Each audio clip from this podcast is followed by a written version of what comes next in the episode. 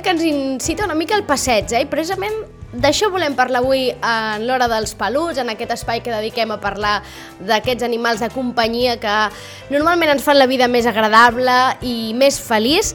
I avui el volem dedicar a aquest espai a parlar doncs, del passeig, de l'hora del passeig. Volem investigar o saber, conèixer si hi ha maneres d'aconseguir un passeig eh, agradable, si podem fer alguna cosa. Per parlar-ne, com sempre, la nostra veterinària etòloga Valentina Mariotti. Molt bon dia.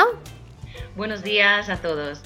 Escolta'm, que la sintonia ens acompanya una mica, eh? Fa com ganes de, de sortir a, a, a caminar. D'entrada, entenc que el passeig sempre és beneficiós? Eh, sí, siempre es beneficioso en un perro equilibrado, en un perro asentado, en un perro, digamos, normal y que disfruta del paseo.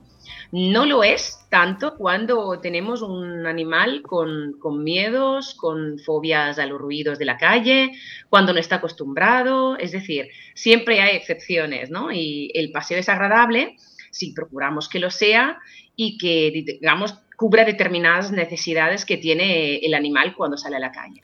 Pero no quería empezar hablando de los problemas, ¿no? Es decir, el paseo siempre está bien, excepto cuando pues, el perro no lo disfruta. Y el por qué no lo disfruta puede ser porque es un perro tímido, introvertido, i entonces hay que tener, mm, bueno, pues ciertas precauciones. D'acord, però necessari sí que ho és, és a dir, tots els gossos, sigui la raça que sigui, entenc que hi haurà alguns amb més quantitat, amb més intensitat, altres menys, però en qualsevol cas eh, són necessaris, eh? és a dir, el gos ha de sortir al carrer, ha de passejar. Sí, es muy recomendable que un perro eh, tenga contactos con el mundo exterior, para que no se quede siempre pues, en, un, en un entorno pues, mm, estable, constante y, limitado. ¿no? De, todos modos, el, el, paseo es importante tanto por el tema físico, de, de pues, la, el desarrollo de un, de un, buen paseo, de una caminata, eh, pero también, sobre todo, tiene que cubrir necesidades eh, de exploración, necesidades cognitivas, mentales y sociales también. Es decir, que el paseo se compone, eh, a nosotros nos gusta explicarlo siempre, así se compone de varias partes, ¿no? de varias fases, no es un único paseo y sobre todo es, tiene que ser un paseo para el perro, pensado para el animal, no para el dueño. D'acord, això és important, eh? El matís és important, eh? És a dir, entenc que surto a comprar el pa, m'emporto el gos i així ja he fet el passeig, no seria l'opció idònia, eh? Digamos que es una opción eh, aprovechar cualquier salida para llevarte al perro, está genial, si el perro lo pasa bien y si no tiene, pues como te he dicho, problemas con, pues, con los ruidos, los coches y no lo, lo, disfruta, pero en realidad no estamos haciendo un verdadero paseo para, para el perro. El perro nos acompaña y eso está estupendo, pero en realidad tenemos que siempre pensar que uno de los paseos principales del, del día tiene que estar pensado para, para él, para cubrir esas necesidades que nosotros eh, llamamos. ¿no? Nos gusta eh, hablar de un, de un, paseo estructurado por lo menos en tres partes.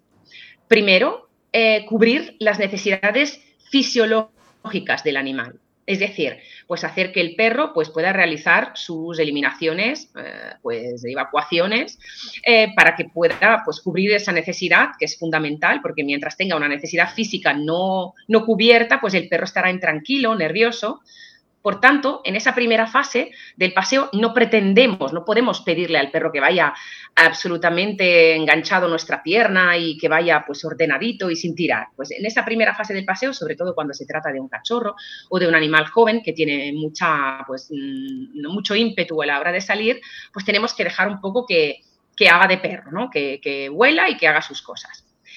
Esa sería la primera parte, cubrir necesidades fisiológicas. La segunda parte, que es importante cubrir, son las necesidades físicas y sociales, es decir, pues interaccionar con otros perros, si es posible, eh, pues con personas, con estímulos varios para que se socialice con ellos, se acostumbre y los, digamos, los considere pues como elementos normales de su día a día del paseo.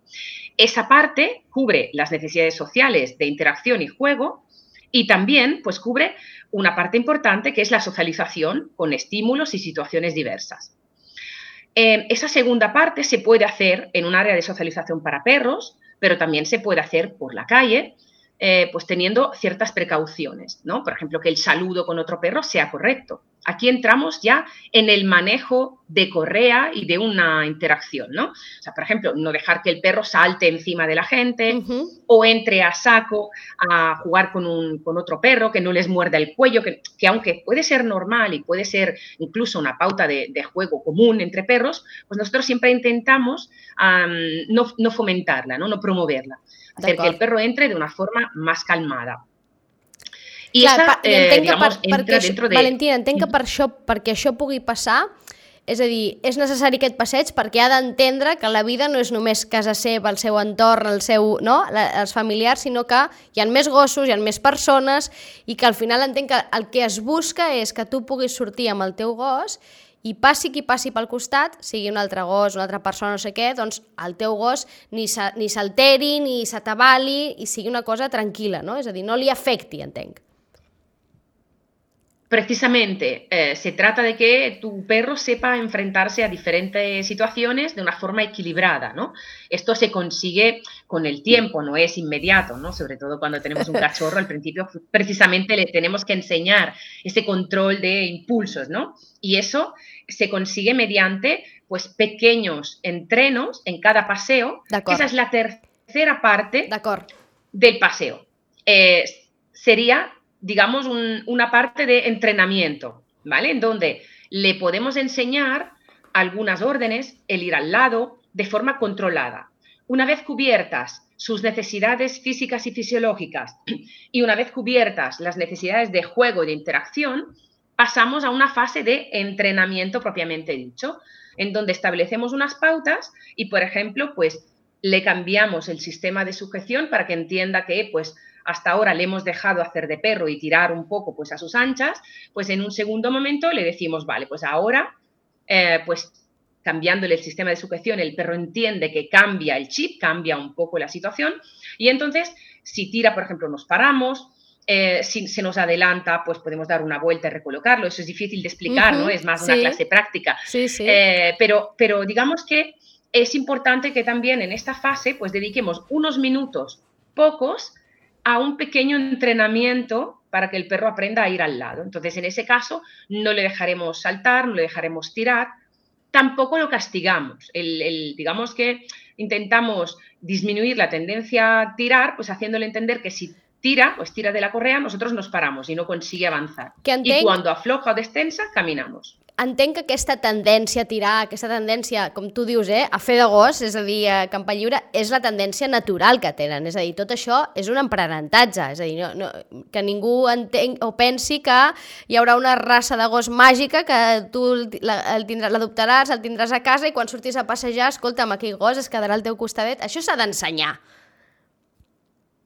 Pues eh, precisamente has dado en el clavo. No existen ni varitas mágicas, ni perros perfectos, ni animales ideales, ¿no? Siempre todo se consigue mediante pues una buena genética, evidentemente, un perro equilibrado, eh, asegurarnos que no tenga problemas de conducta, porque estos pueden influir a la hora de relacionarse con otros perros. Un perro con miedo, un perro reactivo, pues evidentemente no será lo mismo y tendremos que tener en cuenta este aspecto a la hora de trabajarlo pero sobre todo es esto, el resultado de, tiempo, de esfuerzo, de dedicación, no tanto en términos absolutos de muchas horas, sino de saber qué es lo que se tiene que hacer en cada momento para que el perro pueda cubrir esas necesidades. Per tant, entenc que respectar aquestes fases, respectar que al principi ha de cobrir aquesta necessitat fisiològica, és a dir, això del, del pipi, etc etc, no? que ja ha de sortir i necessitarà fer-ho, per tant, no comencem a entrenar o a marcar-li ordres que eh, si la, la, la bèstia ha d'evacuar, doncs ha d'evacuar, no? és a dir,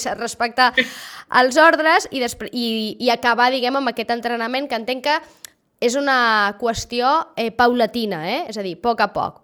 No, no s'aconsegueix en un dia, això. És a dir, una miqueta avui, fas un pas, una miqueta demà, i no sé si hi ha un temps, és a dir, hem de determinar, doncs això en dos mesos, en tres mesos, hauries d'aconseguir que el gos surt, eh, ja, d'alguna manera, estigués calmat quan veiés persones, quan veiés altres gossos, no sé si hi ha un temps. Eh, cuando, cuando el perro empieza a salir, si es un cachorro, Em, sí que hay un tiempo de aprendizaje y precisamente pueden ser unos dos, tres meses. Digamos que cuando el, perro, un cachorro, empieza a tener la pauta semicompleta o completa de las vacunas recomendables para que no se contagie de enfermedades que pueda contraer de otros perros de la calle, pues puede tener precisamente unos tres meses por ahí. Entonces, durante los siguientes dos, tres meses, ese aprendizaje eh, paulatino y progresivo eh, permite que el animal pues termine de desarrollar ese periodo de socialización, de contacto y es especialmente importante crear ahí un buen aprendizaje porque eso servirá como una impronta, ¿no? Es decir, será lo que al, perro luego le marcará un poco su comportamiento en el futuro. Aunque un perro con 6, 7 meses tampoco es eh, un perro definitivo, no tendrá el carácter final, ¿no? Llegará luego el momento de la pubertad y vendrán más cambios. Y ahí, aunque hayamos trabajado, pues puede que se pierdan algunas nociones, pero si lo hemos trabajado anteriormente y si lo hemos comentado, pues ya será más fácil recuperar cuando se descontrole un poco debido a las hormonas. ¿no? Entonces, efectivamente, eso sería el caso de un cachorro. En un animal adulto, dependerá de la edad, Cuanto más joven, más fácil, evidentemente, conseguir cambios o conseguir corregir algunos aspectos si fora necessari. En això no ens, però, evidentment... no ens diferenciem gaire dels humans, eh? És a dir, com més grans, més difícil canviar hàbits, ¿no?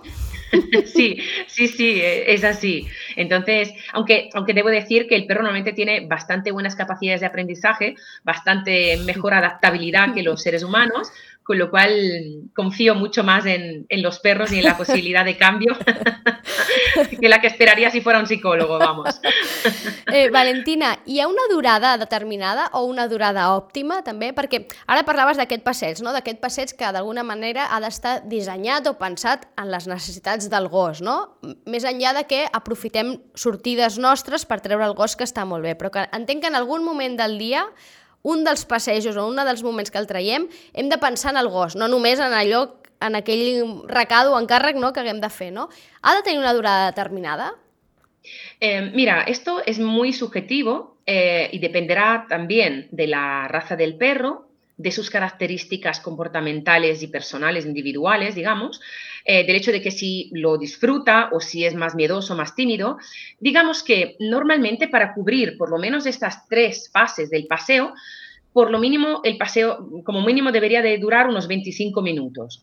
Puede durar hasta una hora, digamos, o, o, más, depende un poco de lo que nosotros veamos. El perro nos lo dice, entre comillas, porque si el perro se encuentra cómodo, eh, pues podemos alargar un poco más el paseo.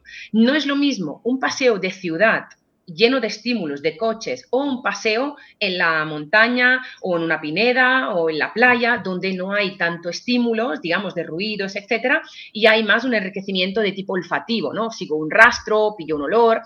Entonces, dependiendo del entorno, pues puede variar la duración del paseo.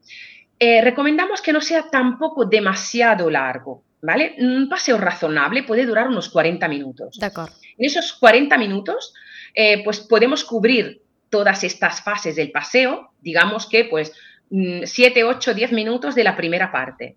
Pues unos 10, 15, depende, si me apuras más, pues si hay un buen entorno en el que el perro se pueda relacionar tampoco alargar demasiado, por ejemplo, las interacciones em, muy, muy explosivas, ¿no? Si el perro se excita mucho con el juego con otros perros, pues a lo mejor habría que acortarlo o limitarlo. Y aquí siempre recomendamos, tanto mi socio Oscar como yo, eh, dejar que el perro haga un poco lo que le apetece. No le tiremos mil veces la pelota o un palo. Si el perro necesita correr, o descansar en ese momento, incluso se para al lado nuestro, pues dejemos que lo haga, porque es su paseo, su momento. Hay muchos propietarios que me dicen, no, es que si no, no se cansa. En realidad, el paseo tiene que relajar, no tanto cansar físicamente, porque no conseguimos agotar las energías de un perro ni tan siquiera en tres horas, porque el perro en media hora, como el iPhone, se recarga. Nosotros estamos agotados y el perro no. Y a veces, cuando hacemos demasiadas actividades explosivas, lo único que conseguimos es que el perro se excite todavía más y venga a casa como una moto o que le cueste. Es como cuando hacemos deporte por la noche, por ejemplo. Això em recorda també molt als nens, eh? a la canalla. Si et passes, passen de volta i, i aleshores quan la, la, la tornada, el retorn a casa, és ara està passat de voltes i ja és com que ens hem passat de llarg, no? Exactamente. Entonces, nosotros recomendamos que el paseo más activo, el paseo más dinámico, se realice durante las primeras horas del día, si es posible. No suele ser así porque venimos de trabajar, son las 6, las 7 de la tarde, es cuando solemos sacar al perro. Pero entonces, si el paseo o la actividad ha sido un poco explosiva, pues recomendamos añadir una cuarta eh, parte a este paseo, que es el retorno a la calma, la relajación. Y de vuelta de donde nos hayamos ido, después del entrenamiento, de la socialización y de la evacuación, pues hacer como una especie de recorrido incluso olfativo, donde le daríamos al perro algo por hacer, algo para buscar, algo para encontrar, incluso recomendamos a veces llevar em, comida o chuches para esconderlas entre la hierba, entre el césped, para que el perro active la nariz porque el, perro siempre lo decimos, no, no, tiene internet, ¿no? Conoce el mundo a través de su nariz y explora. Entonces, esa precaución eh, siempre tenerla, pues si por ejemplo hay otros perros sueltos, no soltemos comida por el suelo, evidentemente, para que no puedan haber eh, competencias o, luchas o peleas por ello. Pero si estamos con nuestro perro a solas, podemos hacer pues esa vuelta a casa, vuelta a la, calma, pues haciendo mm, un paseo de, al menos unos 10 minutos eh, relajante. Si no si no tenemos un, paseo así, con estas características, pues podemos incluso pararnos en un banco a una cierta distancia de los estímulos y eh, pues ver la vida pasar. Estar ah. allí y entrenar la calma, entrenar el sosiego, entrenar a que el perro sea em, capaz de mantener un cierto equilibrio y que ignore a todo lo demás. Un perro indiferente a los estímulos es un perro equilibrado. La calma, la, la calma s'entrena, eh? És bo això, eh? La calma s'entrena també. Efectivamente, y la concentración. Y el hecho de que el perro, pues, eh, por ejemplo, se, eh, se, dirija al propietario, al guía, ¿no? al, cuidador, em, de, de, una forma tranquila, que no exija, que no salte, que no ladre. Pues todo esto es un aprendizaje continuo. Y si cada día eh, dedicamos esos minutos a entrenar la calma, sobre todo en un cachorro, será mucho más fácil que el perro esté centrado equilibrado y sobre todo eh, lo que buscamos es que sea un perro que se pueda llevar a cualquier sitio y que sepa gestionar, ¿no? El hecho de estar, por ejemplo, pues tumbado en un banco o en un sitio donde nos paremos a tomar algo sin ponerse nervioso, sin levantarse. Y todo eso possiblement sin darle órdenes a l'animal. Aquest seria l'objectiu Perquè... final, no? És a dir, aquí, aquí és on te voldríem anar, on te voldríem arribar, no? A, que poguessis agafar el teu gos i sortir i portar-lo a qualsevol lloc i sense necessitat d'estar constantment marcant-li que el gos sabés comportar-se. Efectivamente, nosotros a esto lo llamamos la diferenciación entre lo que es la obediencia y la educación. La obediencia, la obediencia es la enseñanza de unas órdenes. Yo te digo que te tienes que quedar quieto y tú te quedas quieto porque yo te lo he dicho. Pues la, educación, educar a un perro significa enseñarle a estarse quieto sin necesidad de decírselo. Eh, y eso evidentemente se consigue mediante un aprendizaje, mediante pues el, reforzar o premiar pues las conductas naturales, espontáneas, positivas, de calma que el perro manifiesta. Se ignoran las conductas nerviosas, las conductas demandantes o las peticiones, ¿no? los comportamientos que llamamos instrumentales, el ladrar, el saltar encima, el darnos con la pata, pues los ignoramos sin castigarlos tampoco, porque no tienen una mala, un mal fondo, ¿no? Una mala intención, simplemente sirven para llamar nuestra atención. Bien, pues los deberíamos de ignorar por completo y por el contrario, pues fomentar o premiar, prestarle atención al animal cuando en cambio pues se tranquiliza, se calma, nos mira sin saltar y entonces pues el perro entiende, porque es una máquina para asociar, qué es lo que nosotros queremos, sin necesidad de dar órdenes todo el rato. Recordemos la diferència entre educació i obediència. I obediència. I, I aleshores és quan passa allò de que veus de sobte doncs, a, en llocs inhòspits que mai pensaries que podria anar un gos, veus algú amb un gos i dius, quina meravella d'animal que ni l'hem sentit, ni, ni, ni s'ha aixecat, ni ha molestat, ni ha abordat, eh, ni res. Ens queden pocs minuts, però jo has parlat d'accessoris, de poder portar alguna xutxe, el, eh, algun estímul per temes de l'olfacte. Et vull per preguntar per la corretja, per la, pel collaret. No sé si... Eh, perquè Clar, en veiem de molts tipus. Entenc que en funció del gos també hem de triar també la corretja i també en funció de l'activitat? Eh, sí, efectivamente, con si arneses o collares. Esto daría para, para per... una charla más. Bueno, doncs ho podem guardar, eh? Ens ho podem guardar. Fes ara quatre punts i en un altre sí. dia ho en parlem, si vols. Pues efectivamente, nosotros recomendamos siempre una correa de entrenamiento de por lo menos un par de metros de largo para poderla gestionar, donde dos, tienes dos metros, siempre puedes acortar y tenerlo más al lado cuando es necesario, pero que al menos el perro tenga la posibilidad de olisquear el suelo delante nuestro sin tener que correr o, o tirar. De hecho, cuanto más corta la correa, quedaros con esto, más tira el perro, ¿vale? Es decir, la correa tiene que permitir un cierto margen. Y luego, si arnés o collar, o ambas cosas alternadas según el momento, pues es lo que yo creo que dará por, por, hablar en otra, en otra ocasión, pero normalmente a nosotros nos gustan los arneses de cierto tipo. Pueden ser arneses antitirones, con los, con los arneses muy cómodos a veces el perro tira más. Y en cambio con el, con el collar se producen microcompresiones y microtraumas en la zona de la garganta y de la tráquea que a veces es recomendable evitar, ¿vale? Al menos desde el punto de vista veterinario. D'acord, doncs eh, eh, prenc nota i en una altra secció, com que ens en queden moltes, eh, mirem un dia dedicar només l'espai a parlar d'això del collaret o la corretja, si l'arnès, etc, eh, que sabem que hi ha moltes tipologies i així ens eh, detalles més. Una pregunta que et vull fer. És obligatori que els gossos, quan surtin a, a passejar, sempre vagin lligats? Sí, la ordenanza eh, municipal de las ciudades indica que los perros siempre tienen que ir atados, pero hay excepciones. Hay zonas eh, pues en donde se permite que el perro, si el propietario demuestra tener un buen control y un buen manejo, pueda ir suelto en un sitio determinado y bajo circunstancias i característiques determinades.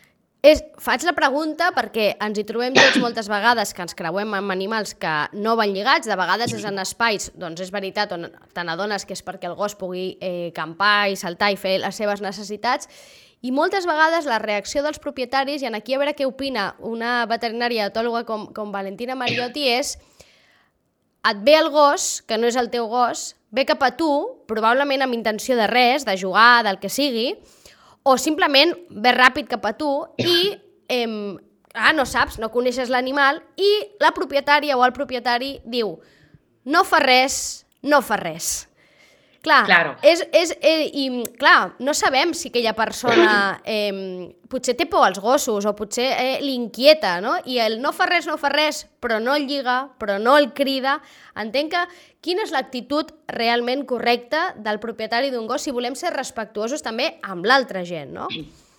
Deberíamos de poderle llamar y evitar que el perro saltara o se acercara a, a personas porque no sabemos si esa persona sufre alergias, si tiene miedo, si ha tenido una mala experiencia previa y aunque no haga nada, que posiblemente así sea, pues eso evidentemente deberíamos de evitarlo. Entonces, si soltamos al perro en un lugar donde está permitido y se nos acerca una persona o se divisa pues a lo lejos alguien, lo ideal, lo más ético y lo más correcto sería llamar a nuestro perro, retenerlo i quan la persona haya pasado, pues ja volverlo a soltar si és el cas. Que perquè això passi entenc que primer l'haurem d'educar, com bé deia la, la Valentina, perquè quan el cridis el gos eh, vingui.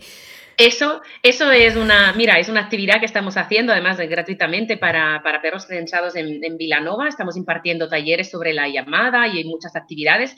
De hecho, para el que quiera repasar un poco las fases del ¿Sí? paseo, invito a que miren por YouTube en nuestra, en Weekend Dog, eh, si ponéis pues la llamada eh, en Dog eh, por YouTube, queda, pues hay un tutorial colgado para el que quiera mirarlo. Y para el que esté interesado también me puede solicitar un enlace a una clase online también sobre, pues al otro lado de la correa, se titula, pues sobre las características de un buen paseo y cubrir las necesidades del perro, pues para el que quiera me puede mandar un, un WhatsApp i jo se, lo, jo se lo reenvío. I la Valentina us atendrà estupendament, tal com fa sempre amb nosaltres. Valentina, moltes gràcies. Ens veiem en uns Muchas dies. Muchas gracias a vosotros. Que tengáis un buen día. Igualment.